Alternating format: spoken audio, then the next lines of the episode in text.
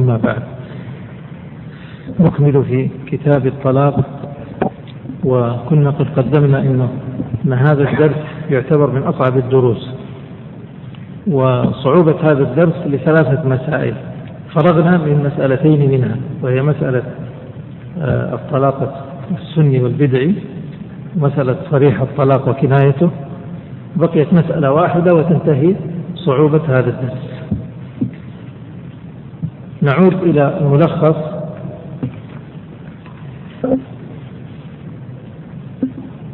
رقم 32 في هذا قواعد ملخصة في الطلاق نمر عليها سريعا حتى تسهل لنا في القراءة.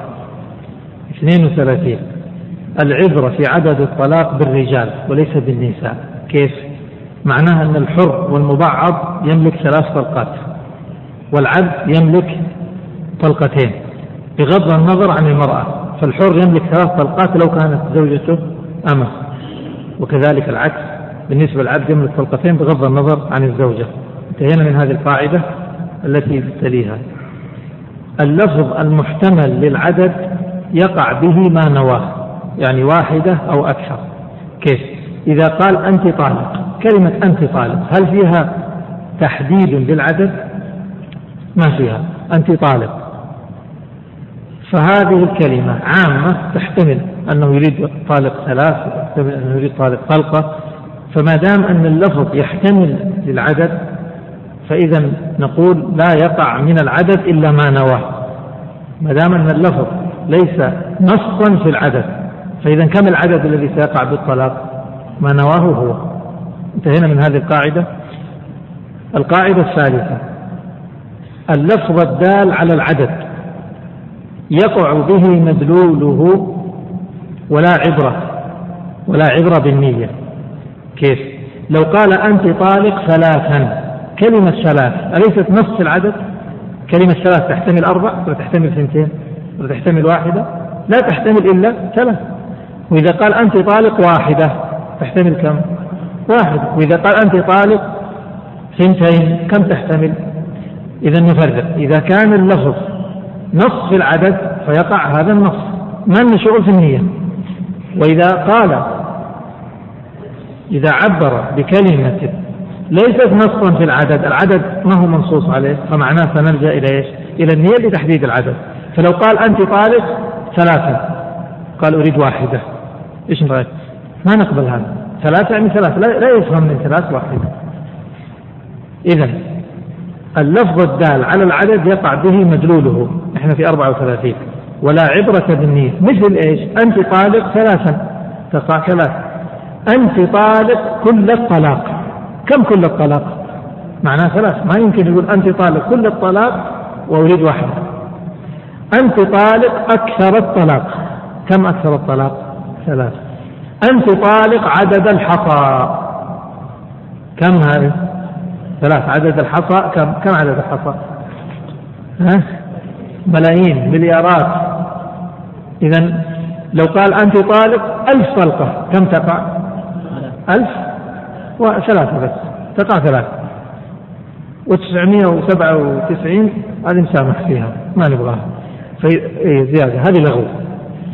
إذا لو قال أنت طالق أكبر الطلاق. كم طلقة؟ واحد. أعظم الطلاق. واحد. أنت طالق مثل الجبل. لاحظوا هو يريد وحدة عظيمة. لكن لو قال أنت طالق عدد الحصى عدد الرمال عدد الجبال إذا يريد عدد. لو قال أعظم الطلاق أو أكبر الطلاق أو أطول الطلاق أطول الطلاق يعني طلقة واحدة بس طويلة. طلقة واحدة عظيمة طلقة واحدة ضخمة. فيمكن أن نقبل الواحدة إذا نواها. إذا القاعدة. إذا كان اللفظ يحتمل العدد ليس نصا في العدد ما الذي يحدد العدد؟ النية. وإن كان اللفظ نصا في العدد محدد فيه العدد فمعناه هو ها؟ معناه معناه العدد هو المنصوص عليه. نكمل. 35 يقع الطلاق بطلاق عندنا صور. للمطلقة. العضو المتصل.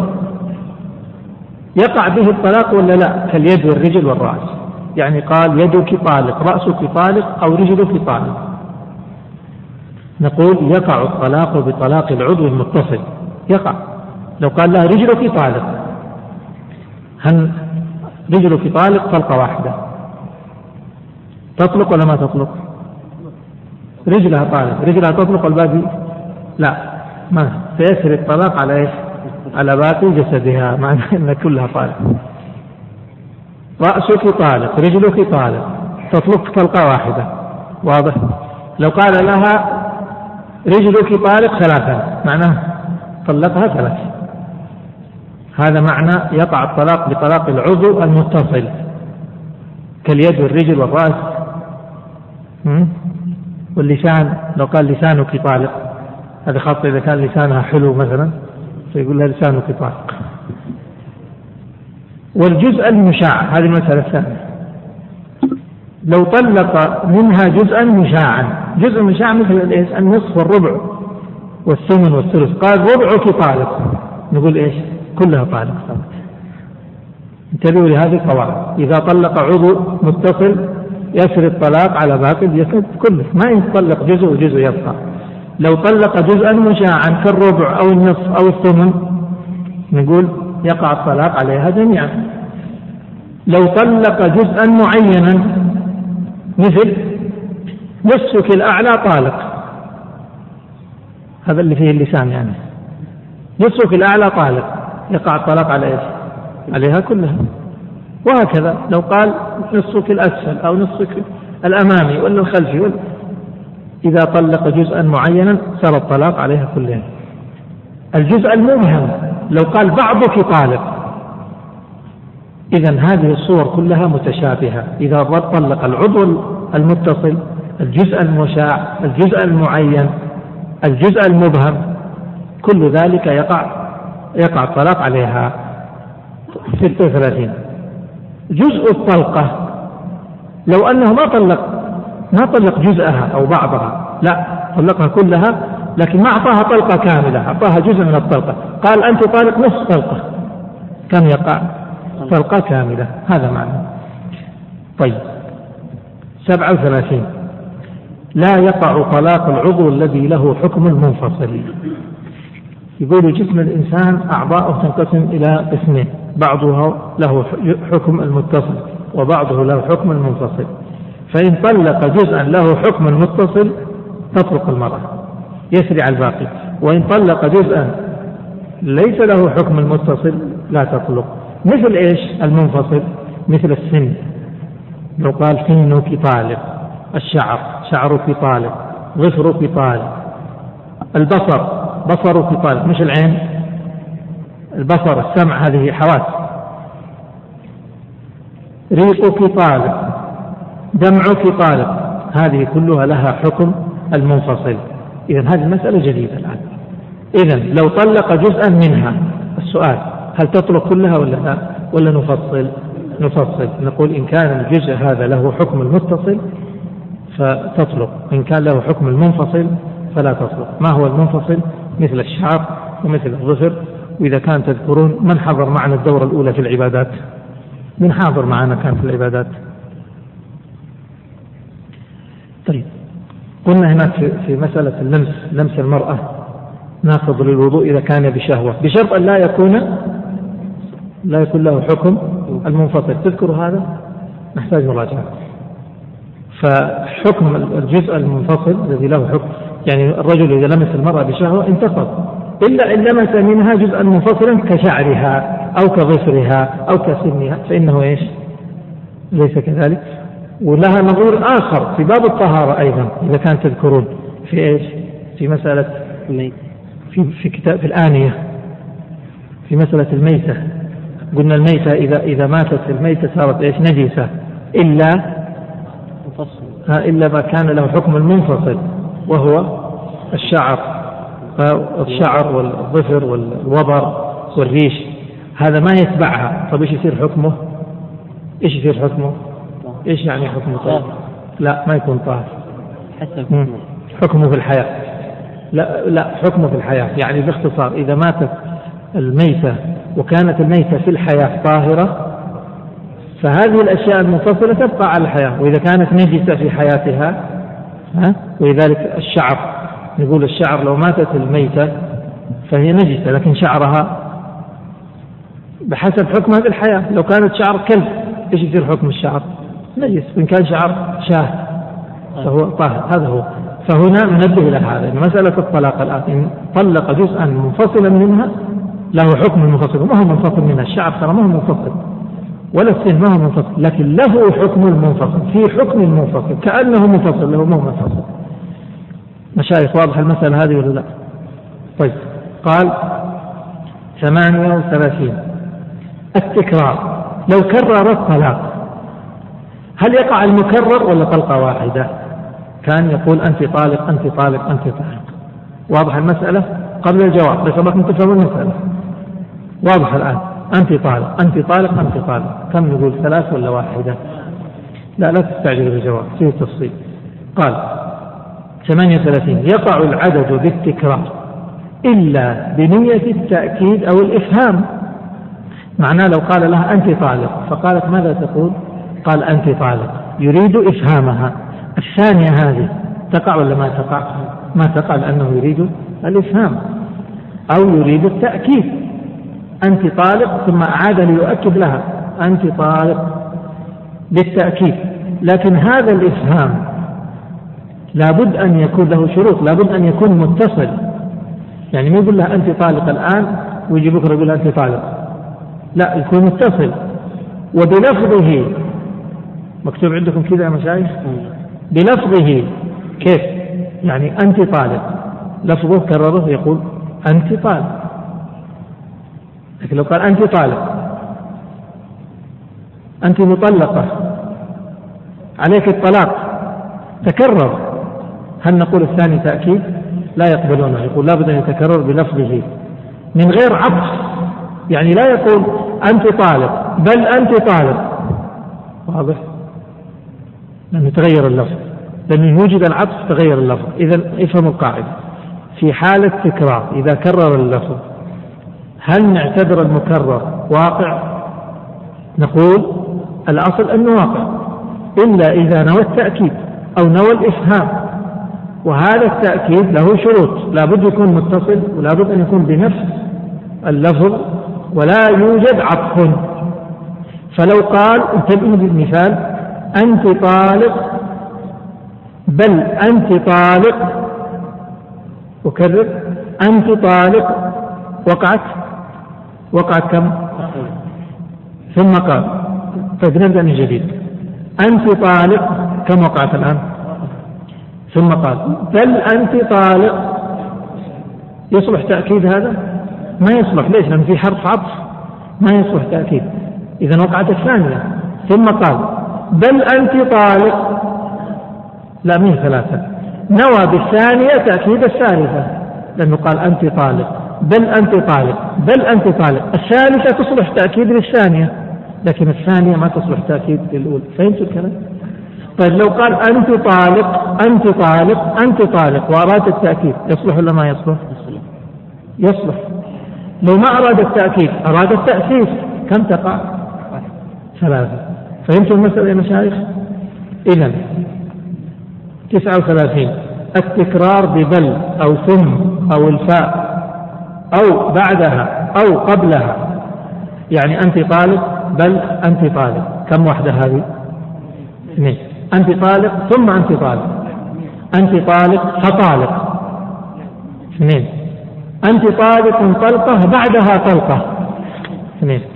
أنت طالق طلقة قبلها طلقة. اثنين. فهمتوا المسألة؟ ما الحكم فيها؟ مكتوب قال إيش؟ يقع التكرار بمدخول بها. يعني لو أن الزوجة مدخول بها فقال لها لها أنت طالق ثم طالق. ستقع طلقتان.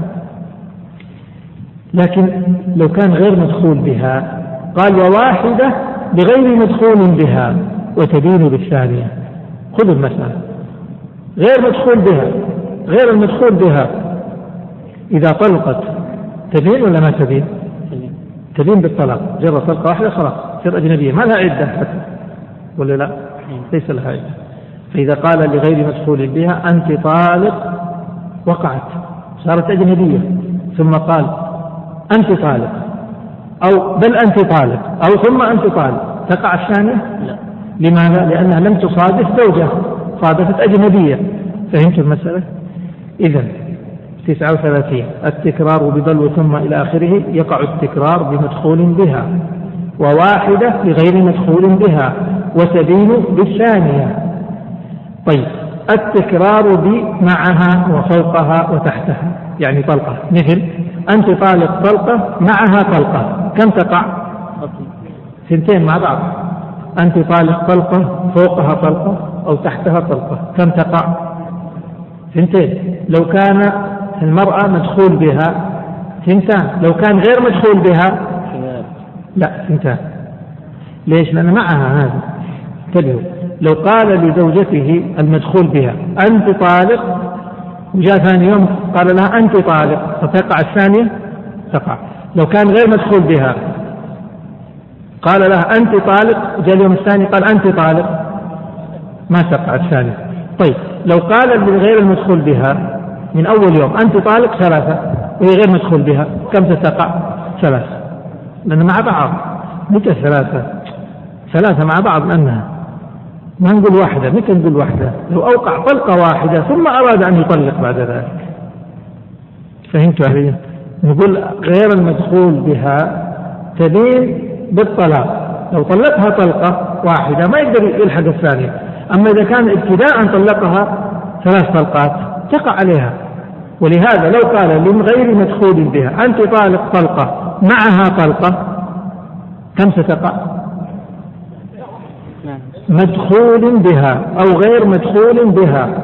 قال لها أنت طالق طلقة معها طلقة. كم واحدة تقع؟ كأنه قال لها أنت طالق طلقتين. أو أنت طالق ثلاثا. ستقع ثلاثا. مشايخ واضح الكلام ولا لا؟ إذا طيب سنقف هنا يعني من الملخص. أما الدرس لن يكفي. الدرس طلب العلم يحتاج إلى صبر يحتاج إلى آه، تحمل. الله يثيبكم وأنتم يعني أسأل الله بس أن يكفي يكفيني وإياكم شر النية السيئة. وأن يرزقنا النية الصالحة. إذا ذكر الله النية الصالحة فأبشر بالخير. طيب قال إذا خلاصة خلاصة القواعد التي مرت معنا. العبرة في الطلاق بالرجال. إذا كانوا حر يملك ثلاث إن كان عبد يملك اثنتين اللفظ المحتمل للعدد كم يقع؟ بالنية. اللفظ الذي لا يحتمل العدد وإنما هو نص في العدد. ماذا؟ كم يقع؟ المنصوص عليه. واضح يا مشايخ؟ ثلاثة. معانك الله. إذا طلق جزءا متصلا. سيقع عليها كلها. وإذا طلق جزءا له حكم منفصل لا يقع. أنا أراجع الآن إذا طلق جزء طلقة كم سيقع؟ طلقة كاملة. إذا كرر اللفظ إذا كرر لفظ الطلاق أكثر من مرة. كم سيقع؟ المفروض نقول يتكرر. إلا إذا نوى التأكيد بالشروط. بالشروط الشروط مكتوبة عندكم. طيب. التكرار ببل وثم يعني بحرف عطف. كم سيقع معه؟ بحسب التكرار. طيب. ولهذا سنقرأ الآن الكتاب. اقرأ يا شيخ. باب ما يختلف به عدد الطلاق. نعم. يملك من, من كله حر أو بعضه ثلاثا والعبد اثنتين حرة كانت زوجتهما أو أمة. هذه القاعدة مرت معنا. نتجاوزها؟ أمشي. فإن قال أنت الطلاق أو طارق أو علي أو يلزمني وقع ثلاث بنيتها. وإلا فواحدة. هذه القاعدة تكلمنا عنها. ليش؟ لأن قوله أنت الطلاق أو أنت طالق هل هي نص ولا محتملة؟ نص العدد ولا غير نص العدد؟ ولا محتملة؟ محتملة للعدد فيحددها يحدد العدد فيها النية.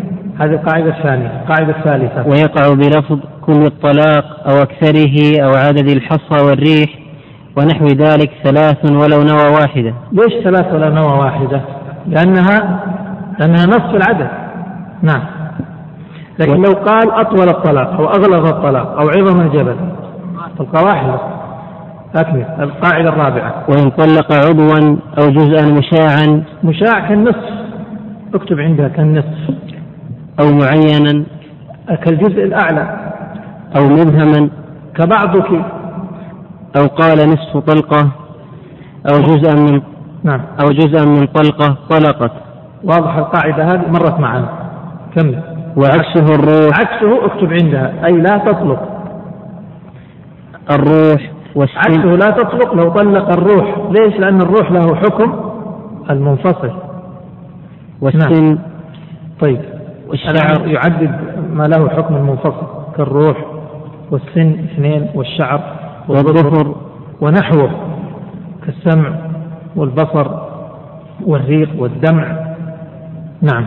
وإن قال لمدخول بها هذه القاعدة السادسة. هذه القاعدة السادسة الآن وهي التكرار. وإن قال لمدخول بها أنت طالق وكرره وقع العدد.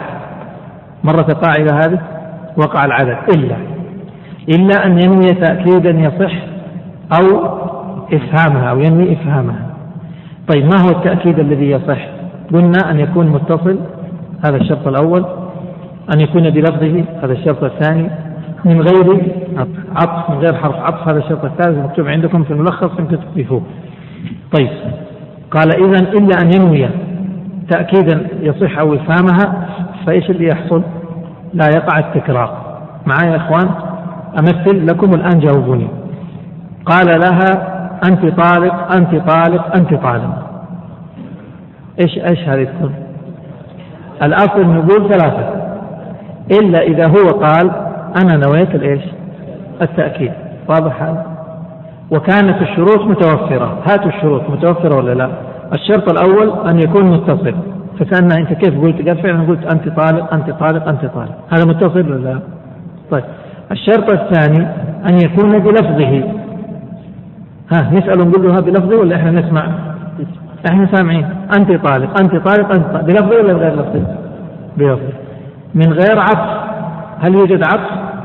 ما يوجد عطف إذا إذا قال أنا نويت التأكيد أو كذا أو الإفهام نقبل هذا وإن قال ما نويت لا تأكيد ولا إفهام كم نوقع؟ ثلاث طيب مثال ثاني أنت طالق بل طالق بل طالق ها لا الأصل الأصل ثلاثة. أنت طالق بل طالق بل طالق الأصل ثلاثة ما كرر نقول ثلاثة. الآن هو اللي يلينا يقول لا أنا قصدت التكرار التأكيد. قصدت التأكيد. التأكيد نقبله فين؟ بين إيش وإيش؟ أنت طالق بل طالق بل طالق بين إيش وإيش؟ الثاني والثالث. إذا قبلنا منه التأكيد نقول له كم طلقة؟ ثنتين لأن الأولى غير الثانية والثالثة يمكن أن تكون تأكيد للثانية. واضح يا أخوان؟ طيب قال أنت طالق بل طالق فطالق. كم تقع؟ ثلاثة. قال أردت تأكيد. لا نقول شرط التأكيد مفقود. ما يقع. ما يصير. اللفظ اختلف. طيب قال وإن كرره ببل أو بثم أو بالفاء أو واضح يا إخوان؟ لما نقول ببل يعني إيش؟ بل طالق طالق بل طالق. ثم طالق ثم طالق. الفاء طالق فطالق. أو قال بعدها يعني طالق بعدها طال طلقة. طالق طلقة بعدها طلقة. أو قبلها يعني طالق طلقة قبلها طلقة. أو معها يعني معها طلقة. قال كم وقع؟ وقع اثنتان. وإن لم يكن يدخل بها أو إن لم يكن إيش؟ وإن لم يدخل بها. وإن لم يدخل بها يعني إذا كانت الزوجة اللي قال هذا الكلام لم يكن دخل بها بانت بالأولى. موافقين على هذا الكلام؟ ليش؟ أنا ماني موافق. أنتم موافقين؟ أنا ماني موافق. عندي اعتراض. شوفوا نعيد. وإن كرره ببل يعني قال أنت طالق بل طالق. تقبلون أنها بانت بالأولى؟ قال طالق بل طالق وهي غير مدخول بها. تقبلون أنها بانت بالأولى تقبلون؟ أنا أقبل معكم. نعم. أقبل فيها. أنت طالق ثم طالق. بانت بالأولى؟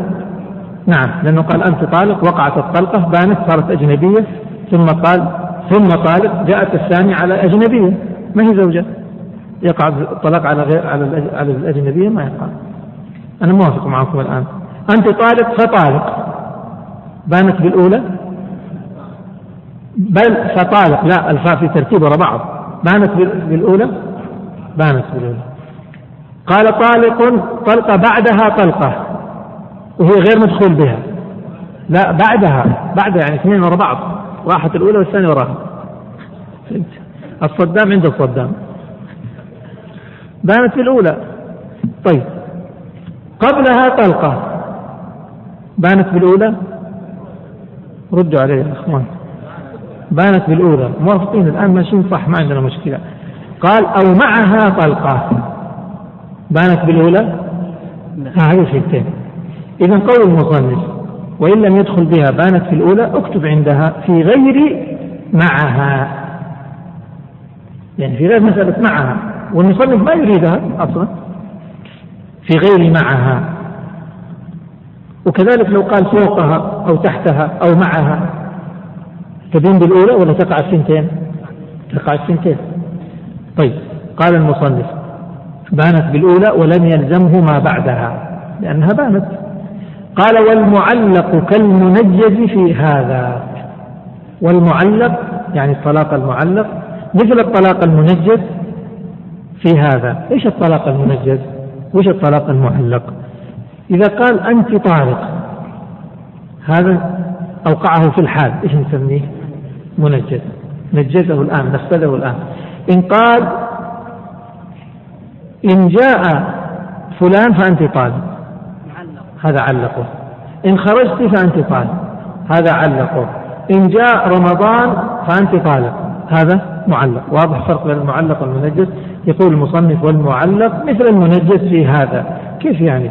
يعني لو قال إن جاء رمضان فأنت طالق طلقة بعدها طلقة فدخل رمضان. وهي مدخول بها. كم طلقة؟ ثنتان غير مدخول بها. كم طلقة؟ واحدة فهمت المسألة؟ طيب.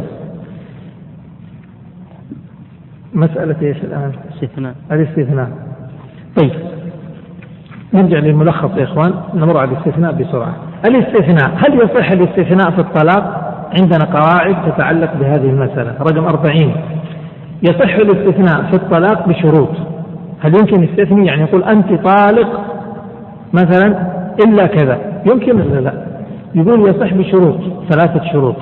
ما هي؟ الشرط الأول أن يستثني النصف فأقل يعني يقول أنت طالق ثلاث إلا طلقة. كم تقع؟ تقع ثنتان قال أنت طالق ثلاث إلا ثنتين لا. هذا أكثر من النص أكثر من النص هذا الباب هذه المسألة انتبهوا لها لأنها ستأتينا إن أحيانا الله في باب الإقرار في المستقبل. لو أقر إنسان وقال أنا أقر لفلان بمئة ريال كم تلزمه؟ مئة. أنا أقر بمئة ريال إلا عشرة كم تلزمه؟ أنا تسعين. أنا أقر بمئة ريال لفلان إلا خمسين كم تلزمه؟ خمسين. أقر لفلان بمئة ريال إلا ستين.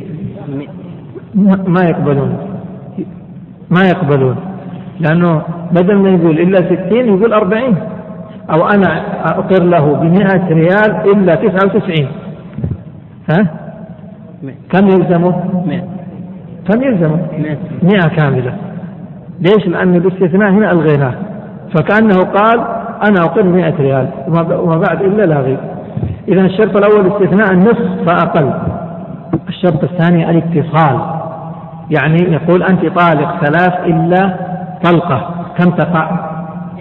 سنتين. لو قال أنت طالق ثلاث. وذهب نام وبعد ما صحي من النوم قال إلا إلا طلقة لا هذا ليس متصلا. الثالث نية الاستثناء قبل كمال المستثنى منه. يعني عندما كان يتكلم نوى أن يستثني في أثناء كلامه. وليس بعد أن انتهى من من الكلام طرأ عنده الاستثناء. فقال أنت طالق ثلاث. بعد ما قال أنت طالق ثلاث خاف. فقال إلا طلق يقول هذا لا يصح إذا كم شرط؟ ثلاث. استثناء كم؟ ثلاث. النصف فأقل. أن يكون متصلا. أن ينوي الاستثناء قبل أن يفرغ من الكلام. طيب. واحد وأربعين. ما زلنا في الاستثناء. هل يصح أن يستثني بقلبه ولا ما يصح؟ عندنا الطلاق أو الاستثناء في الطلاق أحد أمرين. إما أن يستثني من الزوجات يعني من المطلقات أو يستثني من الطلقات. أليس كذلك؟ فالأولى يصح الاستثناء في الطلاق بالقلب من عدد المطلقات لا من عدد الطلقات. كيف؟ قال عنده أربعة. فقال نسائي طوالق. انتبه. قال نسائي طوالق. كلمة نسائي تشمل كم؟ الأربع نوى في قلبه إلا فلانة. يصح هذا ولا لا؟ يصح. نوى في قلبه إلا فلانة وفلانة. يصح ولا لا؟ يصح. ليش يصح؟ لا لا لا. ليش يصح الاستثناء في قلبه؟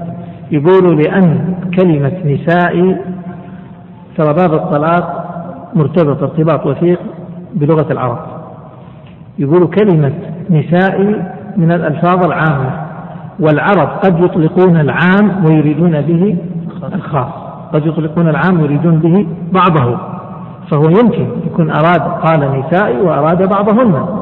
فلذلك قبلنا الاستثناء في القلب.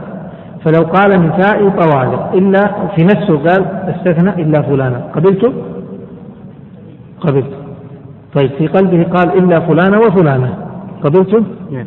في نفسه قال إلا فلانة وفلانة وفلانة قبلته لا ليش؟ لأنه استثنى أكثر؟ من أكثر من النصف. طيب إذا الاستثناء في عدد المطلقات نقبل ذلك. في عدد الطلقات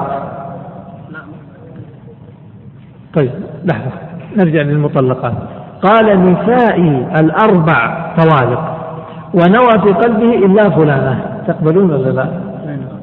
ها؟ لا لا لا ليش؟ لأنه لما قال نسائي طوالق يمكن أنه يريد نساء بنسائه بعضهن صح ولا لا؟ الإنسان ما يقول يا والله جماعتي قرابتي أو جماعتي راضين. يقصد بعضهم. يقول جماعتي زعلانين. صح ولا لا؟ يقصد إيش؟ كل القبيلة؟ بعضهم يقصد هذا. فلو قال نسائي طوالق ممكن يريد بعضهم. لكن إذا قال نسائي الأربع طوالق ويقصد الثلاث ما دام نص على العدد فالعدد نص لا يحتمل غيره. واضح يا مشايخ؟ إذا نفرق بين قول نسائي طوالق نقبل أن يستثني بقلبه. وبين قوله نسائي الأربع طوالق فلا نقبل أن يستثني بقلبه. فهمتوا؟ طيب نروح للعدد. نقول عدد الطلقات ما يستثنى منها. فإذا قال أنت طالق ثلاث واستثنى بقلبه واحدة. نوى في قلبه إلا واحدة؟ تقبلون ولا لا؟ نعم. لا تقبل؟ انتبه يزعل منك لا تقبل. نسائي أو زوجتي طالق ثلاثا. ونوى بقلبه إلا واحدة. مقبول هذا ولا غير مقبول؟ الاستثناء. كم تطلق الزوجة؟ ثلاث. يا إخوان واضح؟ إذا إذا استثنى بقلبه من نسائه يقبل وإذا استثنى في الطلقات بقلبه لا يقبل لازم ينص. لماذا؟ ما هو الفرق؟ لأنه في كلمة النساء ليس فيها عدد فيمكن أن يستثني بالقلب. أما في عدد الطلقات فيها عدد فلا يمكن أن يستثني بالقلب. اتفقنا على هذا؟ طيب نقرأ الآن الباب. قال ويصح فصل مكتوب عندكم في الفصل هذا عنوان ولا ما في؟ ما في؟ اكتبوا عنده العنوان. عند فصل في الاستثناء وهذا يسهل عليك في المراجعة والمذاكرة. قال ويصح منه استثناء النصف فأقل هذا الشرط الأول من عدد الطلاق والمطلقات. من عدد الطلاق والمطلقات. فإن هذا هذا الآن استثناء صريح ولا بالقلب؟ صريح. ها؟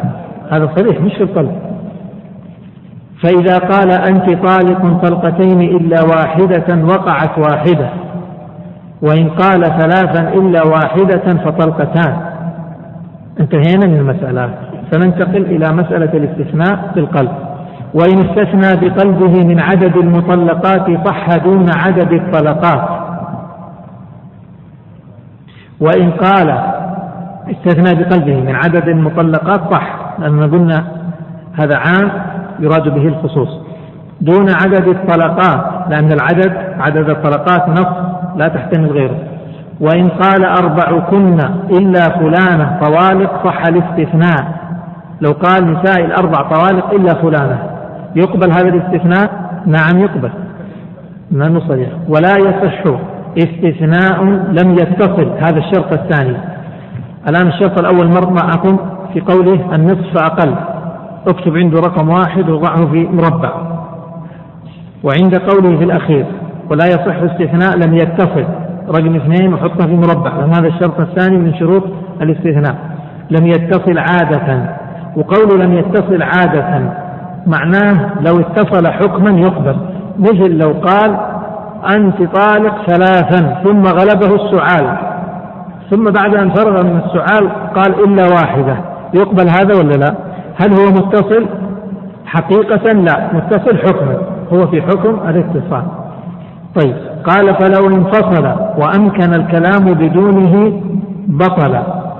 وشرطه النية قبل كمال ما استثني منه. هذا هو الشرط الثالث. طيب هذا هو الشرط الثالث. قال المصنف الآن باب الطلاق في الماضي والمستقبل عندكم هكذا؟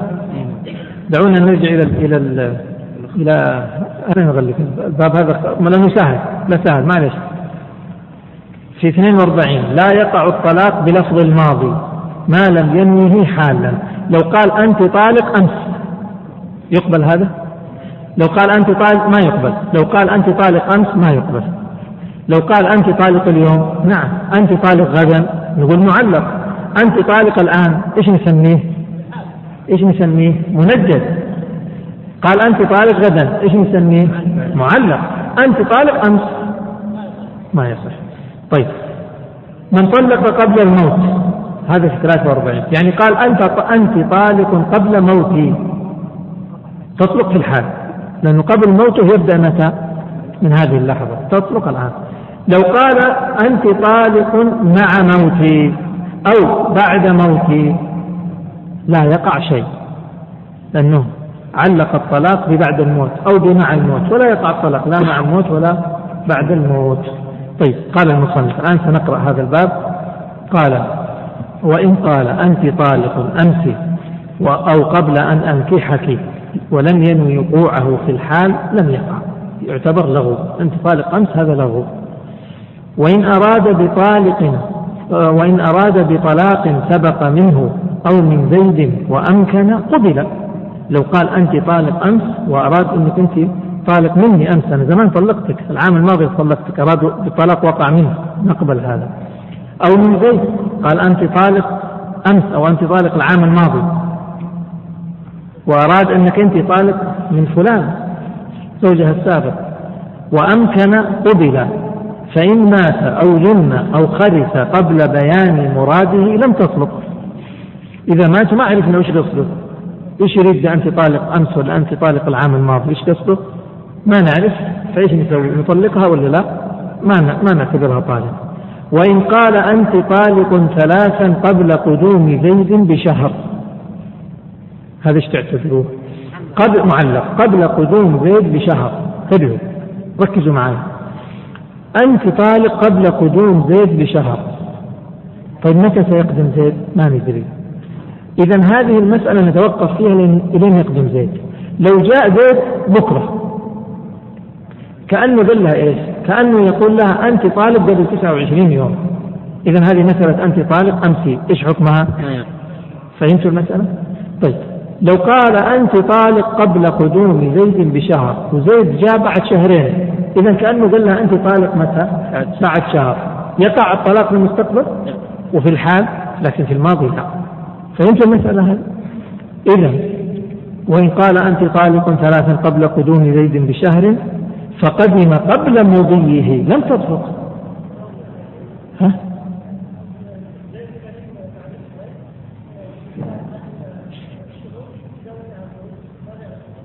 إذا إيش؟ إيه؟ في خلال الشهر الآن قال أنت طالق قبل قدوم زيد بشهر. جاء بعد شهرين. معناه الطلاق وقع متى؟ بعد شهر. إيه؟ بعد شهر من الكلام. خلوكم معي. معناه الطلاق وقع بعد شهر من الكلام.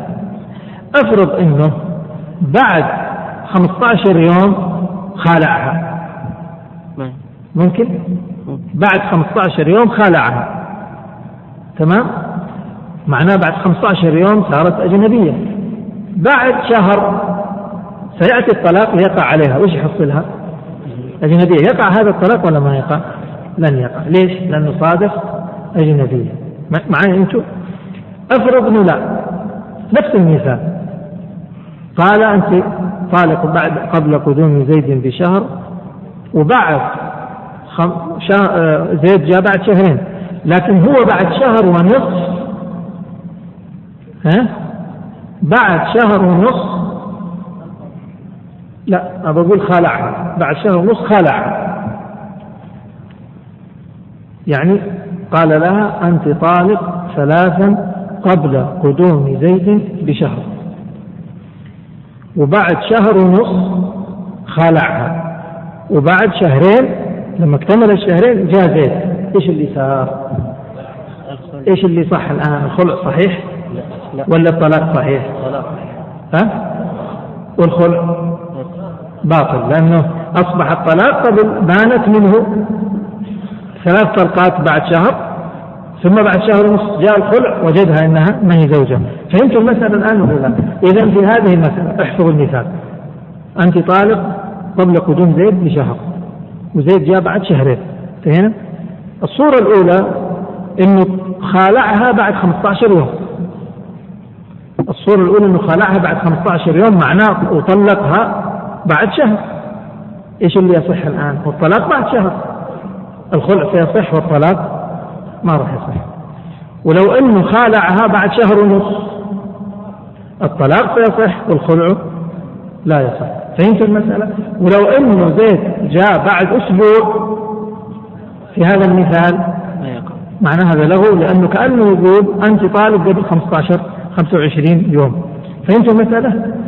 طيب لو كانت طلقة واحدة في أي مثال اللي بعد شهر ونص لو قال أنت طالق طلقة واحدة قبل مجيء زيد بشهر وبعد شهر ونص بعد شهر ونص خلعها معناه كانت رجعية. سيقع الطلاق ويقع الخلع. انه معناه خالع الرجعية فيقع فهمت هذا الكلام؟ طيب قال المصنف وإن قال أنت طالق قبل آه طالق ثلاثا قبل قدوم زيد بشهر فقدم قبل مضيه لم تطلق. وبعد شهر وجزء تطلق فيه يقع. وقع الطلاق. فإن خالعها بعد اليمين بيوم وقدم يعني زيد بعد شهر ويومين صح الخلع وبطل الطلاق وعكسها بعد شهر وساعة يعني سيقع الطلاق ويبطل الخلع المثال اللي قلته فاكرين ولا لا؟ سأضيف لكم في في في هذا إن شاء الله. هو هذا المثال اللي قال بس المصنف ما استخدم الشهرين والشهر ونص وكذا استخدم شهر وجزء ولحظة. وإن قال نعم وإن قال أنت طالق قبل موتي طلقت في الحال. وإن قال نعم. قال وعكسه معه عكسه يعني لا تطلق اكتب عند لا تطلق معه يعني مع موتي أو بعده يعني بعد موتي يعني بعد موتي طيب. معذرة. سامحوني ترى بس أبغى آخر فصل هذا.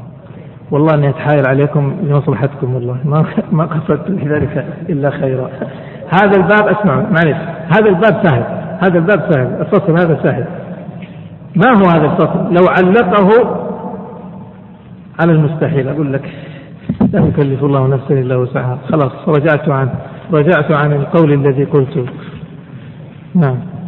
طيب يا إخوان بس نمر على الأسئلة أعطيني الأسئلة الله يحفظك. سامحونا. بس يا إخوان هذا الباب أنا قلت لكم صعب. هذا الدرس درس اليوم بس. لكن درس الغد سيكون سهل. أرجوكم ثم أرجوكم ثم أرجوكم. انكم تراجعوا هذه المسائل وتثبتوها. حتى أسأل فيها في الغد.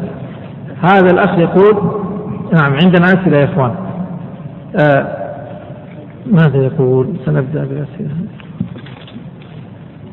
يقول هذا أول درس شرعي أحضره والآن أدرس السنة الثانية في الجامعة أريد أن أطلب العلم.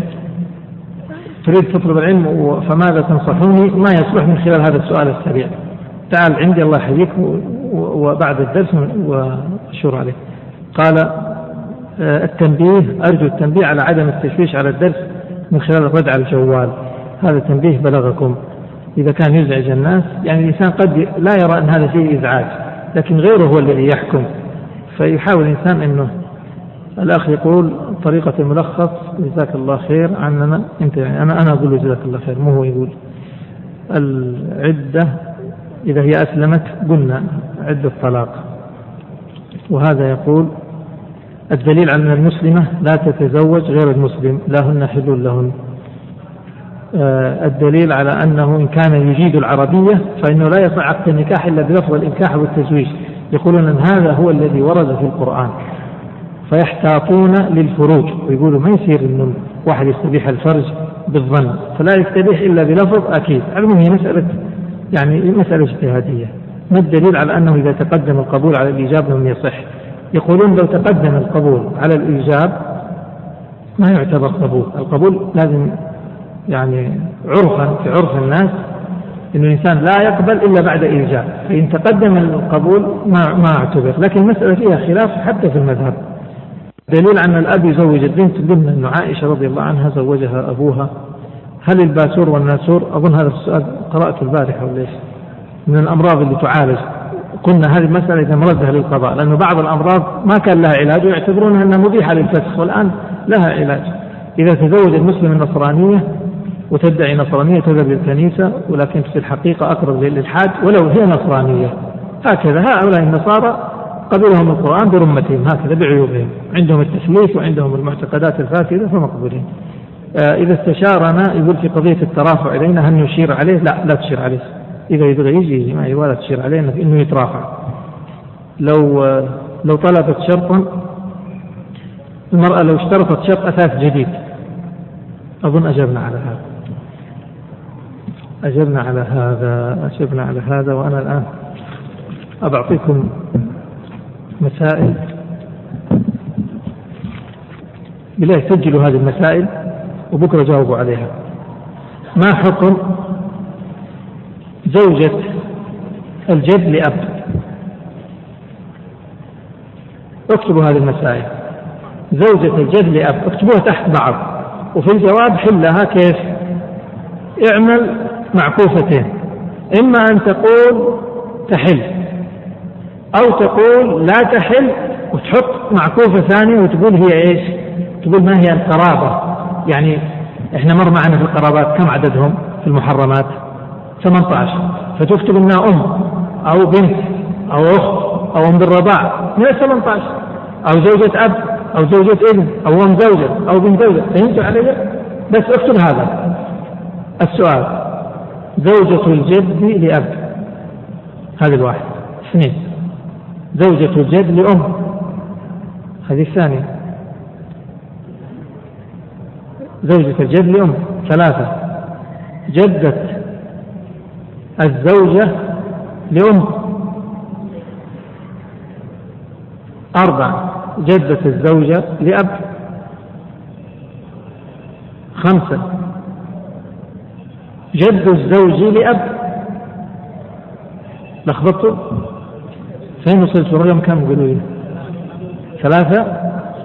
سأعيد من ثلاثة. جدة الزوجة لأم. ثم لأب. نفسها لأب. أربعة لأب. يعني جدة الزوجة لأب. نروح لخمسة. جد الزوج الخامسة. جد الزوج لأب. ها؟ ها؟ إيه. ما أدري والله. فكر فيها. الزوج لأب. وجد الزوج لأم.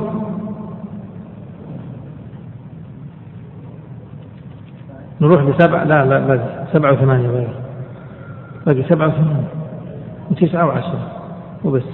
خال الزوج. وخال أم الزوج.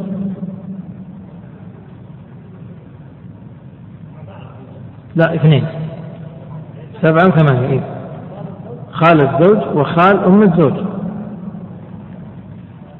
أم الزوج لها خال. فهل المرأة تحل له لهذا الرجل ولا ما تحل؟ طيب. عم الزوج. هذه تسعة. عم الزوج بالنسبة للمرأة.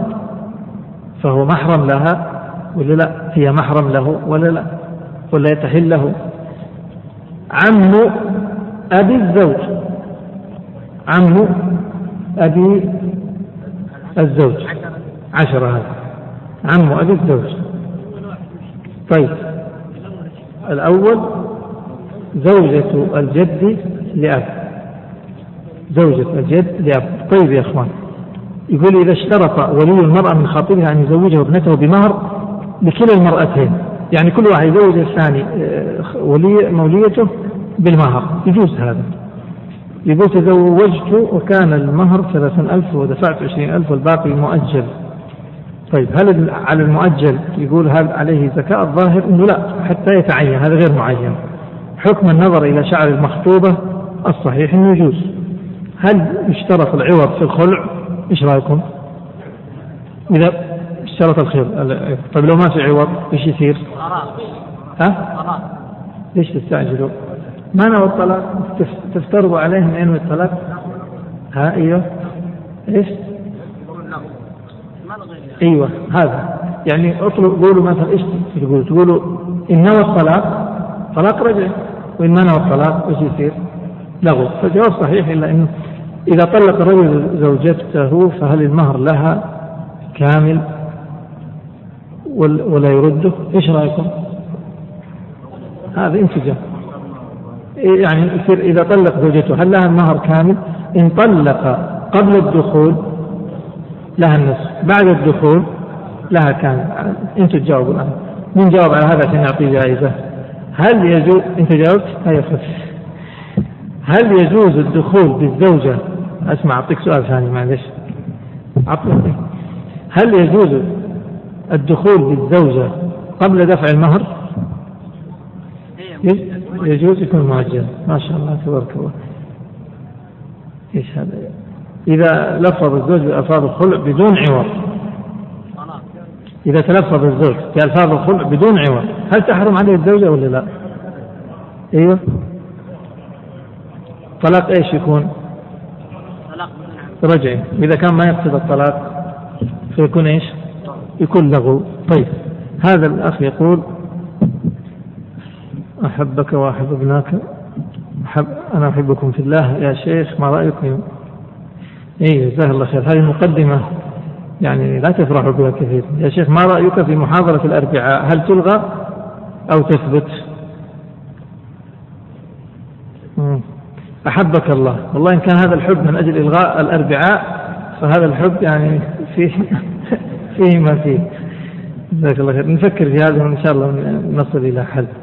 إذا وكل في الطلاق ووقع الطلاق وقال لم أوكل أحد فما الحكم؟ طبعا هذه مسألة قضائية بحتة. إما معناه أن الآن كلام كلام الأصيل فإذا الوكيل عنده شهود وإثبات أنه كان موكل في الطلاق فيقع وإلا فلا. آه، من يتخذ الطلاق من الطلاق حلف يقع أم لا؟ هذا السؤال خليه بكرة لأنه سيأتينا درس بكرة. هل تعتبر وسائل التقنية وسائل الجوال والإنترنت تع... آه، إيش؟ تعتبر يمكن طلاق إذا طلق بها؟ يا إخوان لو أن إنسان جلس في غرفة مغلقة وأطفأ الأنوار وأغلق الشبابيك وقال زوجتي طالق تطلق ولا لا؟ خلاص ما يعني إبلاغها هذه مسألة ثانية. طيب إيه إذا نوى. طبعا. إيه. طبعا. إيه. آه إذا كان. طبعا الشيخ يعني ينبه إلى قضية. إذا كان المقصود إنه لو كتب في الجوال طلاق زوجته هو لو تلفظ بالطلاق تطلق لو ما تلفظ وكتبه في الجوال ستطلق مثل الورق. كتبها على الكمبيوتر وأرسلها بال نعم. لكن أنا اقصد شيء ثاني. أنا أقصد إنه مجرد أن يتلفظ بهذا سيقع الطلاق ثم ابلاغها موضوع ثاني. جزاك الله خير. نبهتنا بارك الله فيك. آه ذكرت في المراجعة في اليوم أن المرأة في خلع تعتاد ثلاث حيض هل هناك قول آخر؟ تعتاد حيضة واحدة؟ نعم. في قول آخر وهو قول شيخ الإسلام ابن تيمية. والأئمة الأربعة أبو حنيفة ومالك والشافعي وأحمد والمذاهب الأربعة أنها تعتد ثلاث حيضات. طيب. وأنا حقيقة يعني نعم يا شيخ. المذاهب الأربعة دخلت. طيب. نكتفي بهذا وأرجو منكم الإيش؟ مراجعة.